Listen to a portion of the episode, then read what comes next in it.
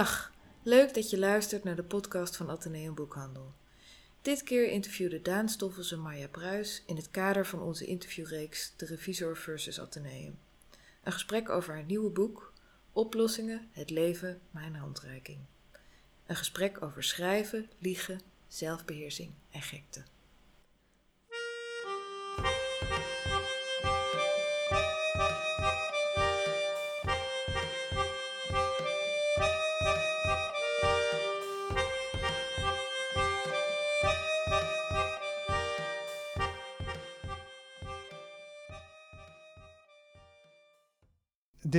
Prachtige boek, uh, daar is het heel moeilijk uit kiezen. Het is heel moeilijk om ook uh, te zeggen, het gaat over dit of het gaat over dat. Je komt al snel op uh, vier, vijf. Nou, je komt al snel op vijf onderwerpen, maar het gaat over heel veel meer.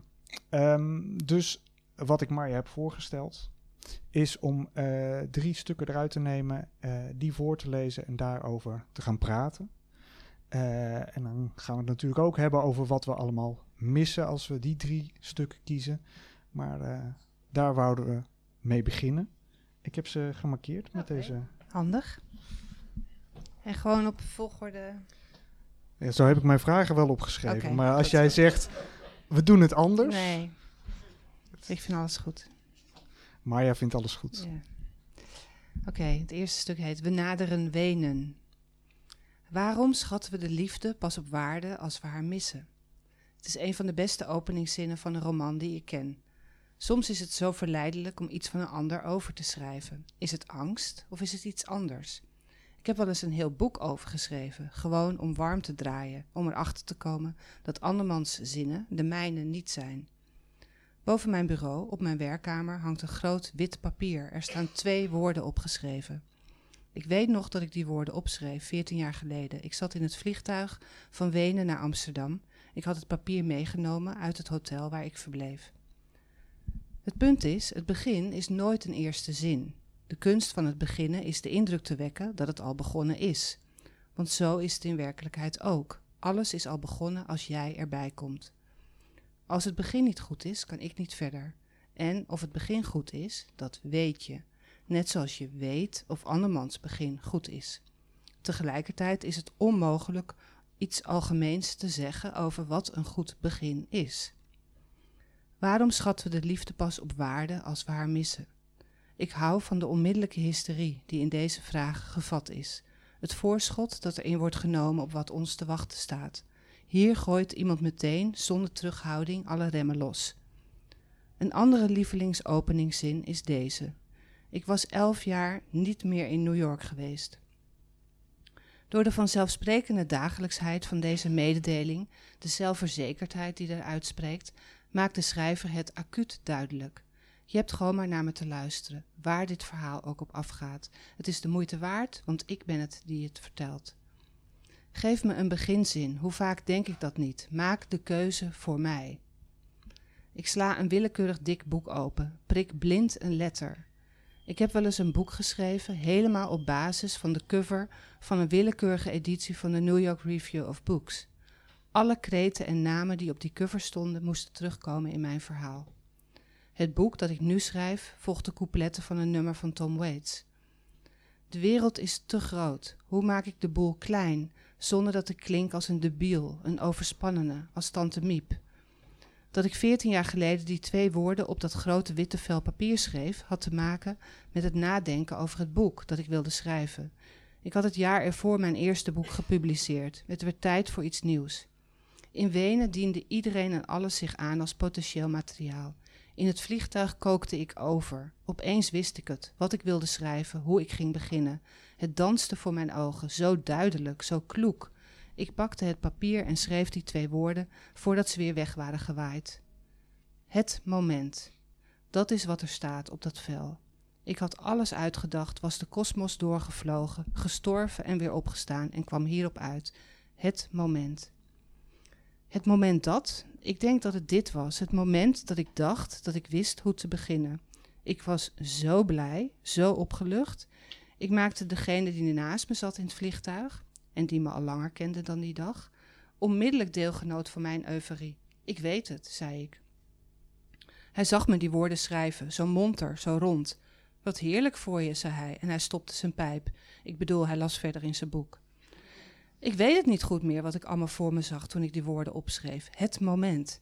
Het was in ieder geval het moment dat ik het licht zag. De beginzin van het boek dat er kwam, Halleluja, werd uiteindelijk deze. We naderen Wenen. Dat voel je als je het raampje openschuift.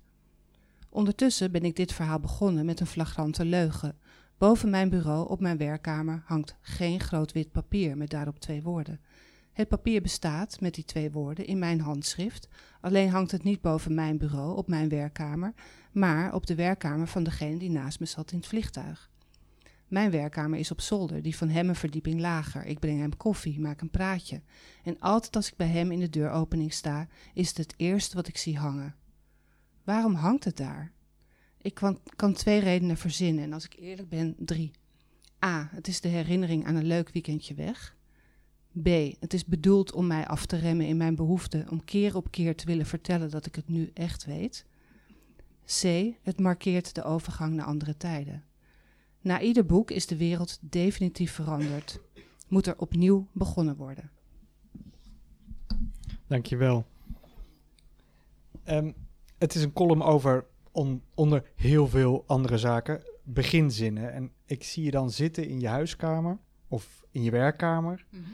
Dat varieert gedurende de columns. Zoals je in de eerste stukken uit het boek beschrijft. En, en dat je dingen uit de lucht plukt of, of ziet buiten. Hoe begint dat bij jou, een column? Want je beschrijft nu hoe je een roman begint, maar hoe is dat bij een column? Daar zit een uh, andere ik, kan, ik kan het heel vers vertellen, want ik, uh, ik, ik moest, ik, ja, ik moet voor volgende week gewoon weer, ik moet iedere twee weken een column schrijven. En uh, ik wilde, vandaag wilde ik daaraan besteden. Ik weet inmiddels dat ik er twee dagen voor moet uittrekken. Dat stelt me al gerust, dat ik er gewoon twee dagen voor neem. En alles wat ik minder eraan doe, is meegenomen. Maar meestal is het dus twee dagen. En, uh, maar na aanloop naar die twee dagen ben ik eigenlijk al, kom ik al in een soort verhoogde staat van stress. Omdat ik denk, ik weet niet waar ik het over moet hebben. En dan ga ik steeds meer boeken in mijn tas doen. En ik ga steeds meer films kijken. Ik denk dat ik naar exposities moet. Ik ga heel raar gespannen, gewoon uh, met alles wat zich aandient om. En dan uiteindelijk, uh, zoals vandaag, uh, ging ik dus in de huiskamer zitten, gewoon aan de eettafel. En toen had ik wat dingetjes opgeschreven die ik gewoon in bed had bedacht. S ochtends vroeg krijg je echt de beste ideeën. En uh, ja, toen ben ik gewoon gaan schrijven. Uiteindelijk heel erg op eigen kracht. Dus alles waar ik me achter verschanst had, bleek ik gewoon helemaal niet nodig te hebben. Het is allemaal een ritueel. En het is allemaal, uiteindelijk leg ik wel al die boeken naast me op tafel en ik kijk nog eens ergens naar. Maar ik heb het uiteindelijk toch niet nodig. Nu moet ik even heel goed denken hoe ik nu ook weer ben begonnen. Uh, vandaag. Ik heb het al dertig keer overgelezen, maar nou, weet ik even niet. Maar in ieder geval ben, heb ik het geschreven over een idee wat zich langzaam heeft gevormd de afgelopen week. En ik kan ook wel zeggen waar het dan over gaat. En nu las ik het net in de trein weer over, want ik had het gemaild aan degene die er een tekening bij maakt. Lees ik het dacht ik, oh, het is eigenlijk helemaal niet duidelijk waar het over gaat. Uh, dus dat is fijn, dus aan de tweede dag die ik morgen nog heb, dat ik het dan nog kan preciseren. Want het ging eigenlijk over het idee dat het zo, als je, uh, kan je nagaan hoe moeilijk het al is om te zeggen waar het over ging. Um, het gaat over het idee dat je soms wordt weerhouden om iets hardop te zeggen. Als je het iemand anders al hoort zeggen en dan hoor je het in de, in de mond van de ander, hoor je hoe vervelend het klinkt. Dus dan hoef je het zelf niet meer te zeggen. En daar had ik heel veel voorbeelden van. dus dat was het probleem niet. Nee. Maar dat diende zich pas vandaag aan. Ja. ja. Oh, het is vast. Nou, het, het, ik heb het gevoel dat jouw columns ook zo lezen. Dat daar een. een, een dus de, daar straalt gemak uit. En, uh, maar als je het dan gaat uitpluizen, dan denk je, ja, maar het is niet gemakkelijk. Want daar, daar haalt ze een, het ene boek vandaan. En daar het andere boek. En daar een herinnering. Mm -hmm. Zo'n column als deze, die heeft niet zoiets. Ja, die, die, die staat wat los in de tijd. Ja. Dit, deze column gaat meer over wat het is om te schrijven en inderdaad op ideeën te komen. En het gaat ook wel over de stress die ik vandaag dus ook weer onder woorden heb gebracht. Ja. Van wat kun je zeggen? Wat kun je op papier ze- zetten? Weet je, wat is iets wezenlijks? Ik ben altijd ook op zoek naar van wat is nou wezenlijk? Weet je wel, ik zoek wel naar iets wat heel dichtbij is en klein, maar tegelijkertijd moet het niet triviaal zijn. En ik, ik, zoek ook altijd naar voorbeelden. Ik las van de week, ik had een boekje besteld, dat heet Frog Consciousness. Ik hou er heel erg van om over kleren te schrijven. Maar ja, niks is zo triviaal volgens veel mensen als kleding. Maar Frog Consciousness, gewoon jurkbewustheid, dat is een heel leuk boekje dat de London Review of Books uitgegeven. Allemaal schrijfsters die iets schrijven over kleding. En daar kan ik me dan echt weer aan vasthouden. Dat Jenny Disky gewoon schrijft dat het toch altijd om gaat om kleine dingen te beschrijven. En dat je die het juiste gewicht moet geven met je woorden. En dat heb ik altijd weer even nodig dat iemand anders, een autoriteit als Jenny Disky, dat zegt. Zoals voor ons jij een autoriteit bent op dit soort dingen. Dus we noteren het eventjes. Mhm. Ehm, eh, die eerste openingszin, die, eh, die is van Jeanette Winterson. eh, eh, uit haar roman Op het lichaam geschreven. Die andere, die kreeg ik niet geïdentificeerd, maar jij wist het nog wel. Ja, dat is Exit Geest van Philip Roth. Kijk, Echt Ja. ook een fantastisch boek over een biograaf. En het is heel erg parlando bijna geschreven als iemand die het zo zachtjes alleen aan jou vertelt. Vind ik ook heel mooi, eh, mooie stijl. ja. En Ja. zo begint het ook. Ja.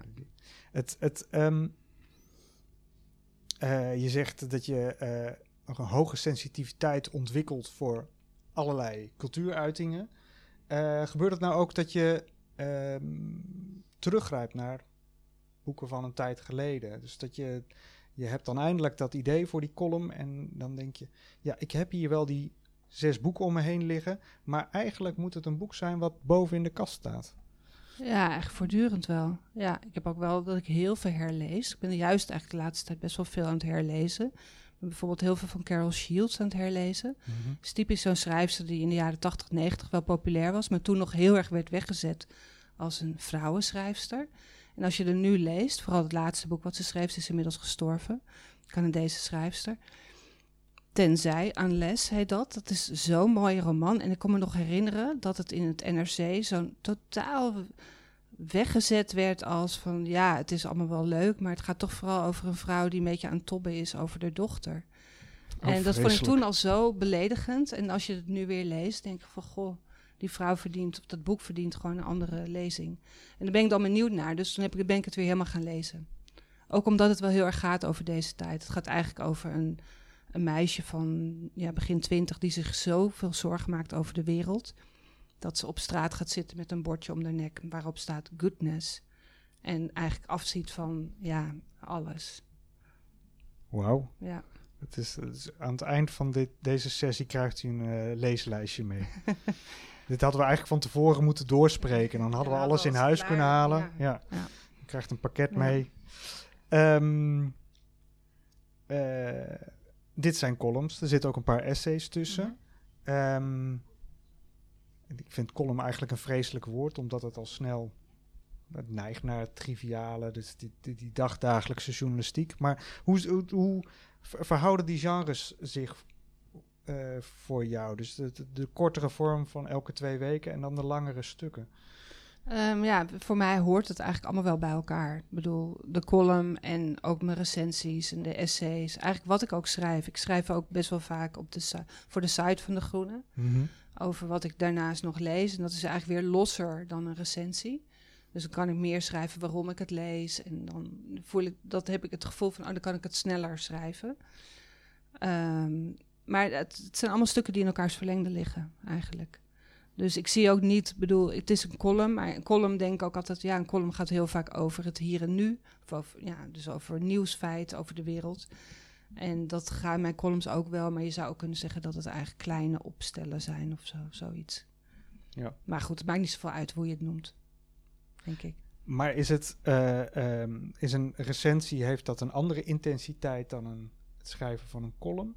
Nou, ik vind een recensie zoveel minder stressvol. Ja. Omdat het gewoon, je hebt iets. Je hebt iets gewoon naast je liggen. Je weet waar het over moet gaan. Ja. ja.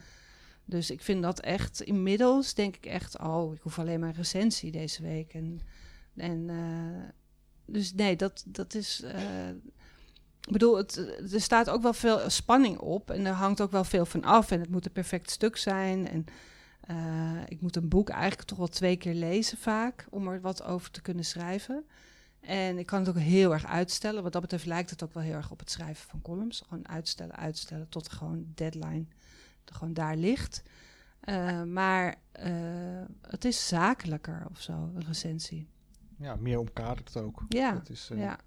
ja uiteindelijk, bedoel, ja, je hebt, weet ik voor hoeveel manieren om, om een recensie te schrijven, maar uiteindelijk weet je wel van, ik moet in ieder geval iemand informeren. Ja, en, en wat je ervan vindt, daar moet je. Dat moet ook wel duidelijk worden. Waarom dat zo is. Ja, ja. ja. Um, helemaal aan de andere kant van het spectrum schrijf je ook fictie. Um, daar, dat, daar gaat deze column ook over.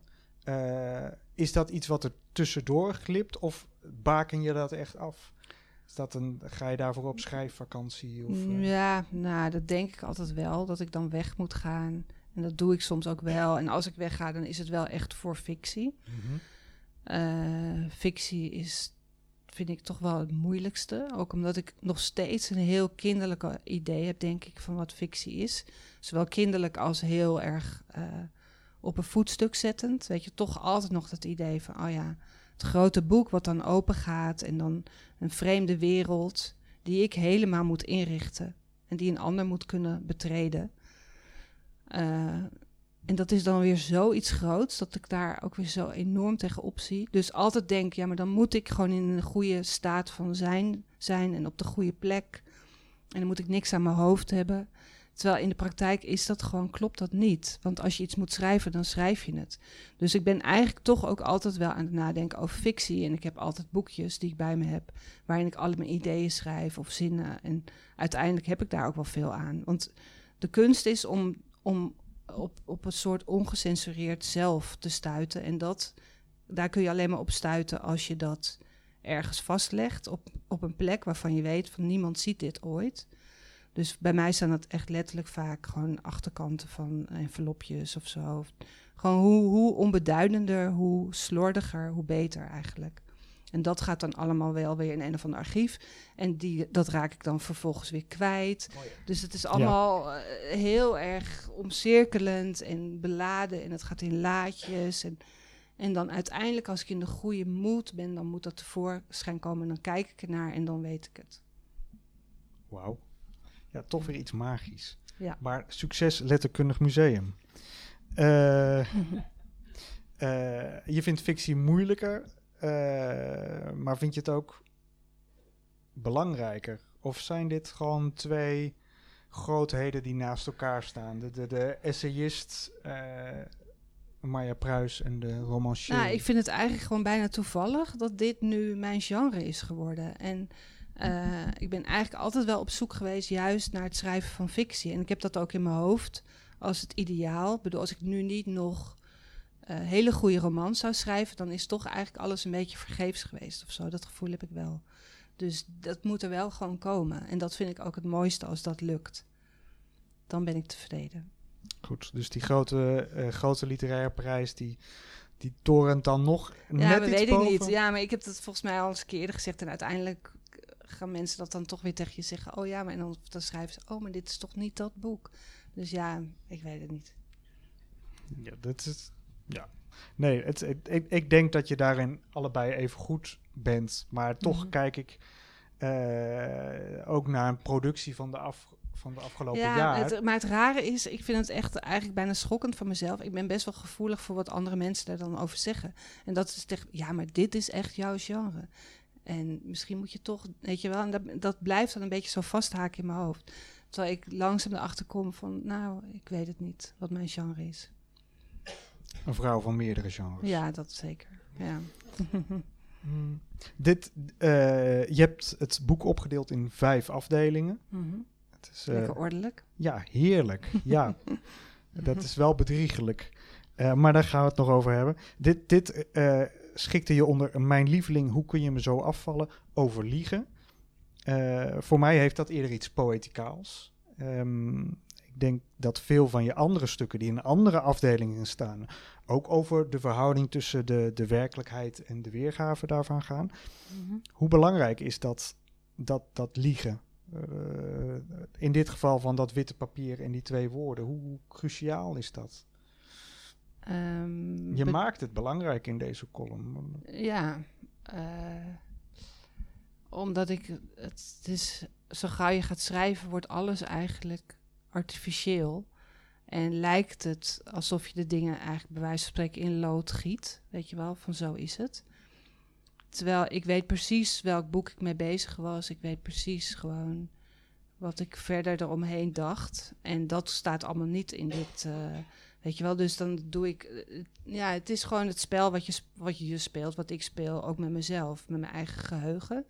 En ik had dat al als, als, eh, zeg maar als puber, dat ik een dagboeken schreef. En als ik nu die dagboeken zie, dan weet ik precies wat ik niet heb opgeschreven. Dus dat is dan de functie. Dus ik, dat, weet je wel, je ziet de woorden staan, maar je weet het verhaal erachter. En dat heb ik ook met dit stuk. Ja. Dus het is wel, ik zal, de, de intensiteit klopt. Weet je wel, het zoeken en de woorden en het vel papier bestaat ook. Ja. En er staat ook op het moment. Eh, maar ik weet ook welk boek eruit is gekomen en wat daar allemaal omheen hing. En het gekke is, ja, dat is van tevoren gezegd, die drie stukken die je had uitgekozen. En eh, ook omdat ik nu weer heel erg aan het denken ben over wel een roman die ik wil schrijven. Toen dacht ik, oh, ik kan, omdat ik ook altijd op zoek ben dus naar iets concreets, iets vasts van waaruit ik verder kan werken omdat het anders de wereld zo groot is en je niet weet wat je moet pakken. Dacht ik, oh, ik kan vanuit hier kan ik heel goed die roman bijvoorbeeld gaan schrijven. Weet je, ik was alweer helemaal blij dat ik dit had. Ja. Ja, dus nou ja. Maar goed, ik weet niet of ik helemaal je vraag nu beantwoord over het liegen. Maar het liegen is dus essentieel. Maar liegen is gewoon de kunstmatigheid. Het is een belangrijke methode. Ja. Ja. ja. Maar tegelijkertijd merk ik ook. eh, het gevaar ligt altijd op de loer dat je een beetje gaat geloven ook in je eigen verhaal. En dat vind ik eigenlijk de leugenachtigheid ten top, misschien. Nou, dat is ook het mooie aan deze column, dat je het dus weer ontzenuwt. Dat is eigenlijk wat je veel doet in deze afdeling. Je eh, liegt en je stelt dat vast. En Mhm. daarmee geef je die leugen meer ja, een zekere rijkdom. Ja. Maar ik merk wel, het gekke vind ik, eh, dat dacht ik als kind al. Als kind kom je er op een dag achter, je kunt ook iets. Je hoeft niet altijd de waarheid te zeggen. Maar liegt nooit. Ja, nee, dat werd dus altijd van mij gedacht, dat ik dat niet kon. Maar ik kon dat heel goed en ik kan ook heel goed dingen verzwijgen. Eh, even denken hoor, ik was, wou iets zeggen. Ik weet niet meer. Ja. Wat was het nou? Nou, ik kom misschien zo nog op. Ik weet het ook niet. Oh ja, dat als je dat ook heeft te maken met hetzelfde, dus hetzelfde verhaal dan vertellen en dat je dan bijna denkt dat dat het is. Nou ja, goed, zoiets. Ehm, ja, ik weet niet. Misschien komen we Nou, er nog op. Ja, ik, ik, ik Ja. vind dat je mijn vraag in ieder geval Oh, goed beantwoord hebt. Dus dat is heel fijn. Ehm, zullen we naar eh, het volgende stuk gaan? Ja, dan neem ik even een slokje. Ja, precies. Want het is, eh, het- ik laat jou gewoon continu doorkletsen. En dan kletsen is niet het juiste woord. Excuus. Maar eh, Dat is dus een andere afdeling. ja, dit is de derde afdeling. Het heet opletten. Het leven gaat gewoon door, hoor je altijd iedereen zeggen, juist in tijden waarvan je zou willen dat ze even stilstonden. Of zou denken dat ze dat vanzelf wel deden bij alle naderende onheil. Maar er staat nooit iets stil, de tram rijdt, de bakker bakt zijn brood. Vandaag waren we weer naar school, schrijft Hanni Michaelis op 20 mei 1940 in haar dagboek. Ik ben altijd bang niet goed genoeg op te letten. Dat achteraf blijkt dat ik heb zitten dromen of net de andere kant op keek, terwijl achter me de boel al lang en breed in de hens is gezet. Waar iemand bezig is schoon schip te maken en ik maar goede boeken lezen. Wat lees jij nou? vraagt de collega met wie ik ochtends koffie drink in een etablissement aan het Leidseplein. Alle kranten hangen hier aan grote stokken voor het grijpen, van de Financial Times tot aan Trouw en dus ook de Telegraaf. Door een retweet van een vriend die ochtend dacht ik toch zelf het stuk te moeten lezen, een aanvechting die ik nog nooit had gehad. Tot zover mijn bubbel. Oh, zeg ik en probeer niet te betrapt te reageren. Ik was even benieuwd. Terwijl ik de krant terugbreng naar de balie, probeer ik het stuk al lopend snel te scannen. Het gaat over de vrouwen die Wilders hoog op de lijst heeft geplaatst.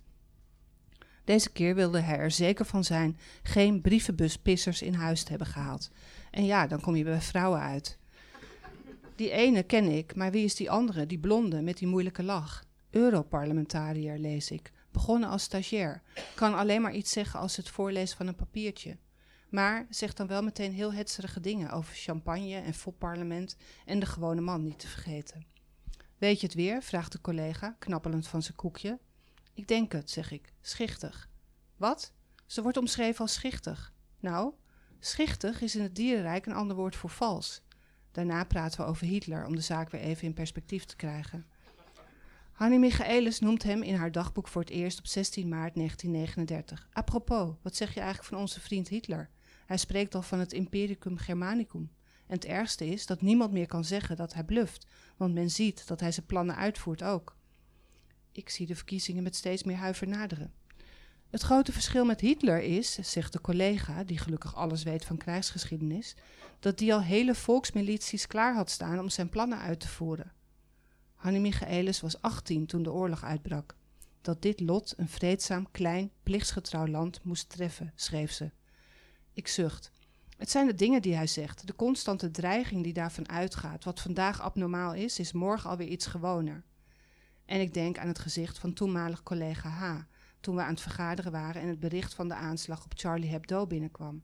Alsof het iets met hem te maken had, anders dan met iedereen. Het idee dat hij of zijn zoontje wordt gekrenkt in woord of daad, vind ik onverdraaglijk. Zie je dat? vraagt de collega als we even later het plein oversteken met de fiets aan de hand. We gaan weer lekker ons elitaire blaadje maken in het hart van de grachtengordel. Maandenlang was het kruispunt opgebroken en afgezet. Alleen een paar betonblokken op rij herinneren nog aan de werkzaamheden. Wat? Hij wijst op de blokken. Noord-Zuidlijn, zeg ik. Dat denk ik bij ieder gat in de stad, bij iedere blokkade. Als het op infrastructuur aankomt, ben ik een goedgelovige burger. Al was het maar omdat je anders gek wordt. Kijk even goed, zegt hij, dat zijn roodbloks. Roodbloks, herhaal ik ongelovig. Moet je dan je paspoort niet laten zien? Die heb je ook, zegt de collega, die ook alles weet van internationale veiligheidsproblematiek. Maar deze roadblocks staan er zodat je niet met een vrachtwagen op je de menigte kunt inrijden. Wat net nog het bekendste uitgaansplein van de stad was, is opeens een potentieel object voor terrorisme. De tram dendert voorbij, de winkelpuien blikkeren in het gele ochtendlicht. Ik kijk naar mijn collega. Hij heeft zijn muts opgezet. Het is een koude dag vandaag. Hij praat nog steeds tegen me, maar ik hoor niet wat hij zegt. Zolang ik oplet, kan niemand iets gebeuren. Dankjewel. Dat, ik vind dat je dat, uh, wat je in je vorige uh, stuk schreef, de wereld is te groot, hoe maak ik de boel klein, zonder dat ik klink als een debiel. Doe je fantastisch hier. Um, toch is dat heel zeldzaam in deze bundel, dat het nieuws doordringt in je columns. Ja, ik vind het nu alweer gek om die naam van Wilders gewoon op die manier vereeuwigd te hebben. Oud nieuws eigenlijk. Ja, het is een oud nieuws en ik vind het ook best wel veel eer gewoon voor hem. Ja, ja. maar uh, uh, ik vond het wel mooi hoe je dan die, uh, hoe je het kleine en het grote naast elkaar zet. Um, dit is natuurlijk een goede reden om actuelere columns niet in zo'n bundeling op te nemen, omdat het oud nieuws is. Mm -hmm. maar, maar ik heb er echt niet zoveel. Nee, en uh, uh, is dat een keuze? Je kunt zeggen, ja, dat doet Bas Heijnen wel, maar... Ja, ik vind... Ik probeer altijd een beetje door het nieuws heen te kijken of zo. En het is niet dat ik nou denk van, oh, ik moet voor de eeuwigheid iets opschrijven, maar uiteindelijk vind, ben ik me er wel altijd van bewust. Gewoon van, en dat zit ook hier. Van, ik ben bang niet goed op te letten, dat allereerst. Ik weet niet wat waar is. Weet je wel, ik denk van, oh, ik, ik lees nu dit, maar het andere kan ook zo zijn. En dat, dus alle echt actuele feiten die ik zou opnoemen, zou echt gewoon te, te, te zwaar gewicht geven. Het gewicht geven wat niet helemaal in mijn hoofd heeft. Ja, oké. Okay. Het, het, het, uh, je zegt ook. Uh, de angst dat achteraf blijkt dat ik heb zitten dromen. Het mooie aan die dagboekaantekeningen van uh, Annie Michaelis is dat dat daar, daar spreekt iets dagelijks uit. Mm -hmm. Dat zou je toch ook kunnen zeggen. Het is goed dat Maya Pruis daarin blijft, mooie boeken leest en dat we vervolgens kunnen vaststellen. Maar Wilders werd opzij gezet door Baudet. En ja, ja, ja. Um, Deze scène eh, rangschikte je onder rijmbehoeften, over Mhm. de kunst van het verliezen. Ehm, stukken over rouw, de doden, Ja, verdriet. verdriet. Ehm, welke, welke rol hebben de do- doden in je leven? Het, is, het, het cliché geldt dat als je ouder bent, dat je het dan meer Mhm. meemaakt. Ja, ze zijn er natuurlijk meer. Ehm, en ze zijn er gewoon eigenlijk altijd. Ik bedoel, dat is ook het gekke van ouder worden.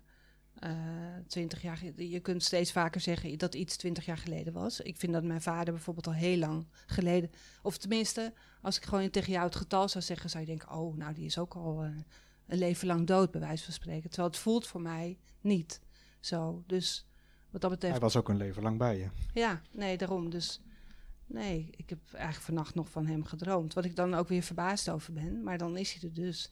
Terwijl ik heb hem al, denk ik, even kijken, 23 jaar niet gezien of zo. Ja, Dus ja. bizar. Ehm, en eh, is, dat ou- is dat dat je ouder wordt, is het gewoon zo simpel? Of is het ook een, eh, is het ook een onderwerp dat je belangrijk vindt? Wat? Hmm, Misschien moet ik het anders vragen. Dit, ik heb n- net een afdeling overgeslagen, werken aan mezelf en anderen.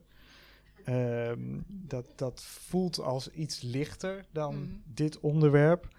Eh, de andere afdelingen gaan eh, over liefde en ouderdom. Ouder worden, hè? Ouder worden. Sorry. Dit is een. Geen toestand, maar een eh, proces. Eh, en, en rouw, liefde, verdriet, ouderdom, dat, dat, dat voelt inderdaad wezenlijk. Eh, liegen als iets poëticaals, maar dat, dat zelfverbetering, dat. Ja, misschien is dat de vraag die ik wil stellen. Hoe essentieel is dat? Nou ja. Of is dat ehm, gewoon is dat, dat onderdeel van je eh, essayistische oeuvre? Moeten we het daarom... Nou, ik, ik las vandaag in de, de- Ik was dus aan het nadenken over waar mijn column over moest gaan. En ik dacht heel lang het moet gaan. Deze week over vergeefsheid. Dat ik meer de vergeefsheid in mijn leven moet toelaten. Ik las een interview met Johan Johansson. Onlangs overleden, of onlangs twee jaar geleden overleden IJslandse componist. En ik vond het zo ongelooflijk om te lezen dat die man dus en een maniacaal componist was, altijd aan het werk was, waar hij uiteindelijk aan ten onder is gegaan. Maar dus ook bijvoorbeeld twee jaar lang heeft geschreven aan de score, zo noem je dat geloof ik, van Mother. Weet je wel, die film van Arnofsky of zo heet die? Nou ja, zo'n horrorfilm. Bram weet het? Ja, ja, ja. Arnowski. Nou, ja. dit twee jaar lang heeft die man dus aan die filmmuziek gewerkt. En uiteindelijk hebben ze besloten dat die film beter af is zonder de muziek. Terwijl, en, en er was nog zoiets, weet je. En, dat, en het is dus niet dat die componist dan gefrustreerd is geraakt. Nee, hij heeft gewoon gedacht, die film is beter zonder die muziek. En dat vind ik zo ongelooflijk wijs. En toen dacht ik, oh ja, dat moet ik ook meer toelaten. Ik ben gewoon te resultaatgericht. Mijn hele leven is gewoon een project. Ik moet van A naar B en ik moet heel snel. En dat, daar zou ik wel echt heel erg van af willen. En dan denk je, oké, waar eindig je dan? In een klooster of zo? Of bij de zen-boeddhisten, weet ik veel wat. Maar ja, misschien zou dat goed voor mij zijn. Ik weet het niet. In ieder geval die afwisseling. Ja, en dus dat klinkt heel lekker nuchter. ja, dat- een maandje naar het klooster en dan weer terug naar de Groene Amsterdammer. Ja, Eh, ja, nee, dat- in dat, de, ja, dan, dan, dan, Nee, maar ik, ik, ben, ik zit dus op een, const, een permanent zelfverbeteringstraject. Mhm. Ik ben me altijd aan het inhouden. Eh, ik, ik, ik zou het liefst gewoon de hele dag op de grond liggen. Eten en drinken, denk ik. Ja. En roken. Het is wonderbaarlijk dat je hier zit. Ja, het is echt een wonder. Het is, ik ben echt een monument van zelfbeheersing. Ja, Wauw, ja. genoteerd. Het is, eh, ik moet dan denken aan eh, David Sedaris met zijn stappenteller. Dat, eh, Ja, heb je die ja. bundel gelezen? Dat, ja, dat heb ik gelezen, ja. ja. dat het gewoon Ja. maniacaal wordt, dat je Ja. steeds verder De- wilt lopen. ik heb zo'n ding gekregen hè, van iemand bij mijn laatste boek. Zo'n, fit ding. Zo'n horloge waar je alles bij kan houden. En? Ja, ik heb hem nog niet ingesteld. Ik, ik weet het, het is gevaarlijk voor mij. ja, nou, dat, mij. dat Ja, lijkt me heel verstandig, Maya. Ja. Ehm, ik, ik, eh, ik schreef jou in mijn mail al dat ik moeite had te kiezen uit jouw stukken. Mhm. Eh, het, het is veel en het is goed. Hoe ben je zelf door jouw productie heen gegaan? Is er veel afgevallen? Best, ja, mm, ja, best wel. Nou, Mm, weet je, niet heel veel, denk ik. nou, in ieder geval ben ik er heel trefzeker doorheen gegaan. En was ik denk ik heel snel klaar. Ja. ja. Ik wist precies van dit wel, dat niet. Wauw. Ja. Er is niks meer aan te verbeteren. Ehm, eh, wat, en heb je daarna nog wat met die stukken gedaan? Want ik, ik, uh, ik, ik checkte een paar dingen. Je hebt een essay voor de revisor geschreven. Dat nummer staat hier. En ik zag één zinnetje dat je veranderd had van, uh, over Jan Terlouw. Waarom vertrouw ik hem niet? Had je geschreven. En nu is het veel stelliger. Ik vertrouw hem in het geheel niet. dat wist ik helemaal niet meer. ja, dat is zo. Ja, ik dacht echt, die man die kan wel even een dauw gebruiken gewoon. Ja, ja, ja. Het was, uh, het, maar nu voelt het een beetje als een trap achteraf. Dat, uh, uh, en in dit stuk is de laatste... Dit stuk is uit 2000... Of het vorige stuk van We naderen Wenen. Daar verscheen, verdween de laatste zin. Ik weet het weer hoe het moet. He, heb je het geschrapt? Of, of laat je dat dan bij de uitgeverij... geschrapt in deze stukken? Ja, er zijn, dit, dit zinnetje is verdwenen. Oh, Oké. Okay. Ja, nee, ik heb uh, zelf het weer heel. Ik heb zelf wel dingen geschrapt en mijn redacteur heeft dingen geschrapt. Ik had een hele goede eindredacteur. Die oh, me ook, ja, die me attendeerde op, op ook gekke eigenaardigheidjes. Dus, uh, of incongruenties. Dus ik, ja, ik was uh, eigenlijk ook wel weer verbaasd over. Ik heb, vind mezelf altijd al heel precies, maar dat het nog preciezer kon. Ik begon aan mezelf te twijfelen toen ik die, die, die kleine aanpassing in het ja. revisor-essay zag. Dus, oh, ik zit nog even te denken over wat je zei van wist je, over hoe ik door die columns heen ben gegaan. Ik heb wel een tijdje naast te denken over de indeling. Toen ik die indeling helemaal had, ja. toen werd het ook duidelijker. Maar toevallig kwam ik vandaag een papiertje tegen waarin ik had geschreven wat ik, wi wat ik wil. En toen vier punten. En het was echt zo uh, uh, liefhebben, dansen, werken. Toen dacht ik nog dat het zo gaan, zou gaan heten en dat ik dat uh, op die manier zou gaan doen. Zoiets. Maar dus dat is een voorbode geweest. Dus ik heb wel even over nagedacht. Kijk, ja. het is niet helemaal nee. uit de lucht gevallen. Nee, nee. Het is niet helemaal zo. Um, toen ik, ik ging je stukken vergelijken natuurlijk. En dan um, ik zie dat je meestal onderwerpen aan elkaar weeft. Een vanzelfsprekende associatie, of tenminste, het komt vanzelfsprekend over. Um, dat voelt als een vangnet voor de vragen die je stelt. Maar uh, de column, uh, nou, de, de column opletten, de roadblock column, dat, dat voelt, ja, dat is een scène.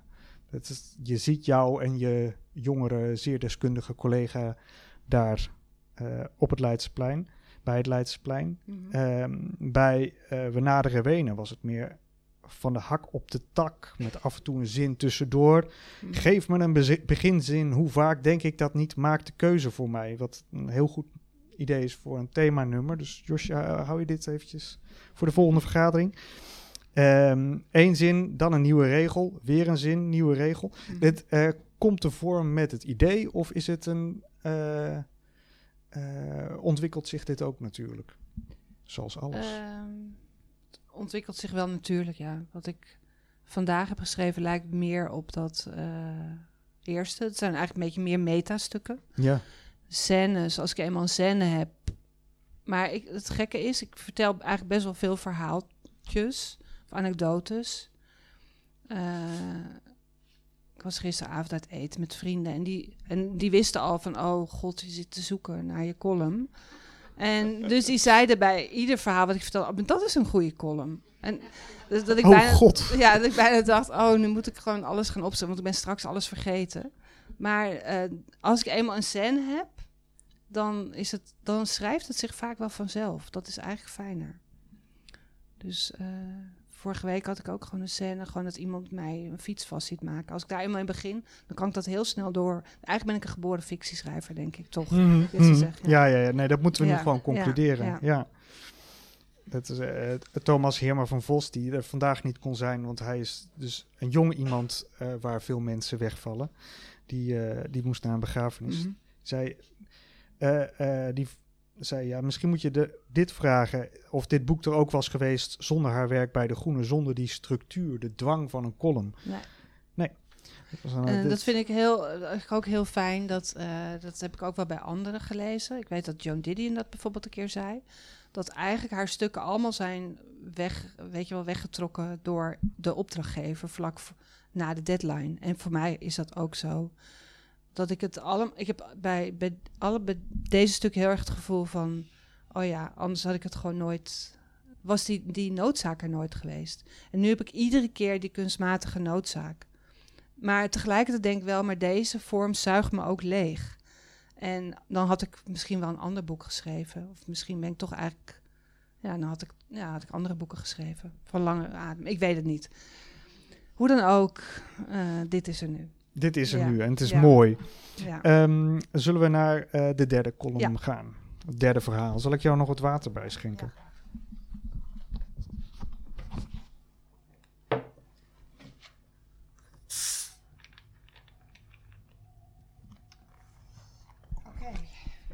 Hey liefie heet het. Ik lag vanochtend al vroeg wakker, te twijfelen of ik zou opstaan. Half zes is gekte, zes uur kan ermee door. Als het nog donker is, is het moeilijker. Ik ben bang voor naaktslakken op de keukenvloer, muizen die de katten vannacht hebben gevangen. Ik luister naar de geluiden van het huis dat ik al meer dan twintig jaar ken. Ik moet niet zeggen dat het een stil huis is, dat klinkt altijd dramatisch, maar ik denk aan de geluiden die ik al een tijdje niet meer hoor dat ik al kon horen aan de manier waarop de voordeur werd geopend wie er binnenkwam. De sleutels die op de trap werden gegooid.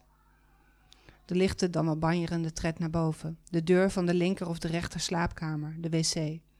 Het slaapkamerraam staat open. In het voorjaar is er een kabaal van vogelgeluiden die naar binnen stromen.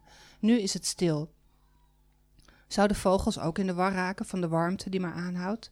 Gisteren zat ik nog de hele dag in de tuin te lezen over verkrachtingen door de eeuwen heen te turen naar mijn knalblauw gelakte teennagels, souvenir uit Brussel. Een van de katten kon maar niet besluiten of ze nu op mijn schoot wilde zitten of niet, en ik had geen zin om haar aan te moedigen. Naast me in de tuin, leunend tegen de met plastic afgedekte barbecue, de uitgebloeide hortensia-struik, stond de fiets van mijn zoon, hier door hem neergezet toen hij zijn spullen aan het verslepen dan wel aan het wegdoen was, met het oog op zijn vertrek voor jaren naar een ver buitenland. Op de een of andere manier kreeg ik het niet voor elkaar het ding uit de tuin weg te halen en het elders te parkeren. Gisteren stond een klein berichtje in de krant over een incident in de stad waar hij nu woont. Tijdens een of andere feest op een groot plein had een als lokale muzikanten verklede groep opeens het vuur geopend op het publiek. Er waren ik weet niet hoeveel doden gevallen, waaronder wellicht één buitenlander. Vanuit welk perspectief zou, zou iemand omschreven zijn als een buitenlander? Zou in een Nederlandse krant een Nederlander zo worden aangeduid, omdat hij nu eenmaal in een voor hem vreemd land verbleef? Ik vraag me wel eens af of je het zou merken als er helemaal geen vogels meer zijn. Ik woonde hier nog niet zo lang toen iemand tegen me zei ook wel eens te hebben overwogen om in deze straat te gaan wonen, tot ze besefte dat je dan vlakbij het lawaai van de snelweg zit. Maar die hoorde ik helemaal niet, had ik gezegd. Sindsdien hoorde ik, als de vogels er niet zijn, de auto's. Naast me in bed is het zo stil dat ik denk aan de vroegere buurvrouw die ochtends wakker werd naast haar man die overleden bleek. Hoe lang zou je dan blijven liggen? Hopen dat het gewoon maar niet waar is. Twee dagen geleden zag ik een enge film in de bioscoop over een meisje dat samen met haar vriend, de houthakker, vredig in het bos woont, tot een griezelige secte haar van het bed ligt en de houthakker vastbindt aan een boom. Er was een moment dat ik in mijn ogen dicht deed toen een van de secteleden de mond van het meisje opensperde en een ander met een pincet uit een glazen potje een groot geschupt en gevleugeld insect tevoorschijn haalde. Later zei ik dat tegen degene die nu dood naast me ligt. Dat ik dat het engste vond toen ze dat beest bij haar naar binnen brachten. Ik werd aangekeken alsof ik gek was. Ze werd alleen maar even gebeten door het beest. Het werd weer teruggestopt in het potje. De ergste dingen spelen zich in mijn hoofd af. Dat zou ik vaker moeten beseffen. Ik buig voorover uit bed om te kijken op mijn telefoon of het al zes uur is. Er ligt een appje op, geschreven in een andere tijdzone. Hé hey liefie, lees ik. Ik was het niet hoor. Maak je over mij maar geen zorgen. Dankjewel. Het, eh, eh, ik had een vraag, maar ik wilde eh, al bij het vorige stuk opmerken, en dat merk je dan aan de reactie van, van jullie, van het publiek, dat het eigenlijk veel grappiger is dan ik het lees. Echt? Dus ja, nee, het oh was. jeetje, wat ja. erg. Ik Nee, hoop dat- dat je ook moet lachen als je het leest. Ja, ja, maar dat is n- niet om alles waarom Oh. daarnet gelachen werd. Ik geloof dat ik redelijk humorloos ben. Maar dat. ehm, Oké. Eh, maar ik had het, het, het, het, het roadblock stuk, dat blijft in mijn herinnering hangen als een eh, een zwaar stuk over iets groots. Mhm. En hier eh, werpt ook de aanslag een beetje zijn slagschaduw over, over alle lichte dingen. Oké. Maar dit gezegd hebben, Mhm. hebbende, wat ik zo knap vind aan dit stuk, is dat het onderkoeld is. De, de gekte, je benoemt hem aan het begin, maar eh, die gekte zou wel gerechtvaardigd zijn. Ik realiseer me dat er een reden kan zijn waarom je al wakker bent. Ehm, dat het Mhm. om de ontbrekende dingen gaat, om ja, ja, dat die fiets daar als een soort memento mori Mhm. staat. Ehm, eh, ik vroeg me af hoe dit verhaal begonnen was. Is dat bij het appje of wat? eh, is dit dan kort na deze gebeurtenis? Is het wel Dit- echt gebeurd? Nou, dit, ik lag wakker en ik dacht, ik, en ik, ik had niet verwacht dat ik een appje zou krijgen. Eh, ik lag wakker en toen ben ik opgestaan en toen heb ik dit eigenlijk heel snel geschreven, omdat het opeens het hele verhaal in mijn hoofd zat. Dus Ja, het is het heel eh, true to life eigenlijk. Ja. we zijn heel dichtbij je gekomen hier. Ja. Maar ja, dus je ziet het maar. Die gekte ligt altijd wel op de loer. Dus hier zit het monument van beheersing. Het, het blijft indrukwekkend. Ehm, eh, het is een. Ik had het net eh, toen we elkaar eventjes eh, van tevoren spraken erover dat het. Als je het boek moet samenvatten, het is eigenlijk niet samen te vatten. Je kunt het, je kunt zeggen, ja, dit is Marja Pruis in, in al haar vormen, in al haar denken, in al haar zoeken. Ehm, en dan kom je snel met vragen naar autobiografie. Eh, en wat je doet met de mensen, met jezelf en met de mensen om je heen. Ehm, degene die mij langer kent dan vandaag, een fantastisch personage. Eh, je zoon. Eh, ze komen niet heel vaak voorbij, maar je hebt ze wel nodig. Mhm. Heb je ze nodig als personages? Nou, zij zijn denk ik sowieso. eh, ik zal niet zeggen het wrakhout waar ik me aan vastklamp. Dat klinkt zo. eh, klinkt voor hun niet zo leuk, maar De reddingsboeien. ze zijn wel. Perfect reddings- gevormde Ja. reddingsboeien. Knuffelbare reddingsboeien. Ja, zonder hun zou ik hier niet zitten. Zelfbeheersing, Marja, zelfbeheersing. Nee, maar zij, bedoel, zij zijn eh, mijn spiegel. En tegelijkertijd zijn zij mijn beschermde gebied of zo. Wil ik ze niet prijsgeven. Dus dat is allemaal een beetje eh, omcirkelend. Soms meer dan anders. Het ligt er een beetje aan. Ja, dat is. Ja. Ehm, en eh, jijzelf, het is, het, het is heel makkelijk om aan het einde van dit boek te denken: ja, ik ken nu Marja Pruis. Eh, voor mij was het een openbaring dat jij pruimentaarten bakt. Ik wil graag een recept. ja. Ehm, maar daar kun je natuurlijk ook eh, je grenzen opzoeken. Dat is bij je Mhm. dierbaren. eh, ja, dat, dat, dat, dat omcirkel je. Maar Mhm. eh, waar, ja, dat is natuurlijk een vraag waar je nooit een antwoord op krijgt. Waar ligt bij jou de grens? Het- tot hoever ga je om jezelf in de strijd te werpen? Mm. Dat is wel de essentiële vraag, denk ik. Aan ene kant denk ik heel ver. En het is ook niet voor niks dat ik als ondertitel had bedacht van... dit is mijn handreiking. Ik bedoel, dit is inderdaad gewoon wel... dit ben ik. Eh, dichterbij kun je niet komen, denk ik. Maar dat is dus al heel veel. En aan de andere kant eh, heb ik het idee dat ik er nu gewoon een... ehm, ja, een, een, een muur omheen heb gezet of zo. Ik bedoel, het is een bouwwerk, weet je wel. Het is, eh, het is ook iets, nou ja, ik kom weer op dat woord kunstmatig. Het is, Mhm. ook, het is ook iets wat bedacht is. Het is waar. en ik denk dat het voor mij, de mensen die mij eh, nabij, echt nabij zijn, dat zijn dan denk ik drie mensen en die lezen mij niet. Weet je wel, dus en die denk ik dat het voor hun eigenlijk ook niet te lezen is of zo. Dat klinkt nu dramatischer dan ik het bedoel hoor, maar Ja. eh, die hoeven dat ook niet te lezen. Want die kennen jou. Ja, zoiets. En, ja.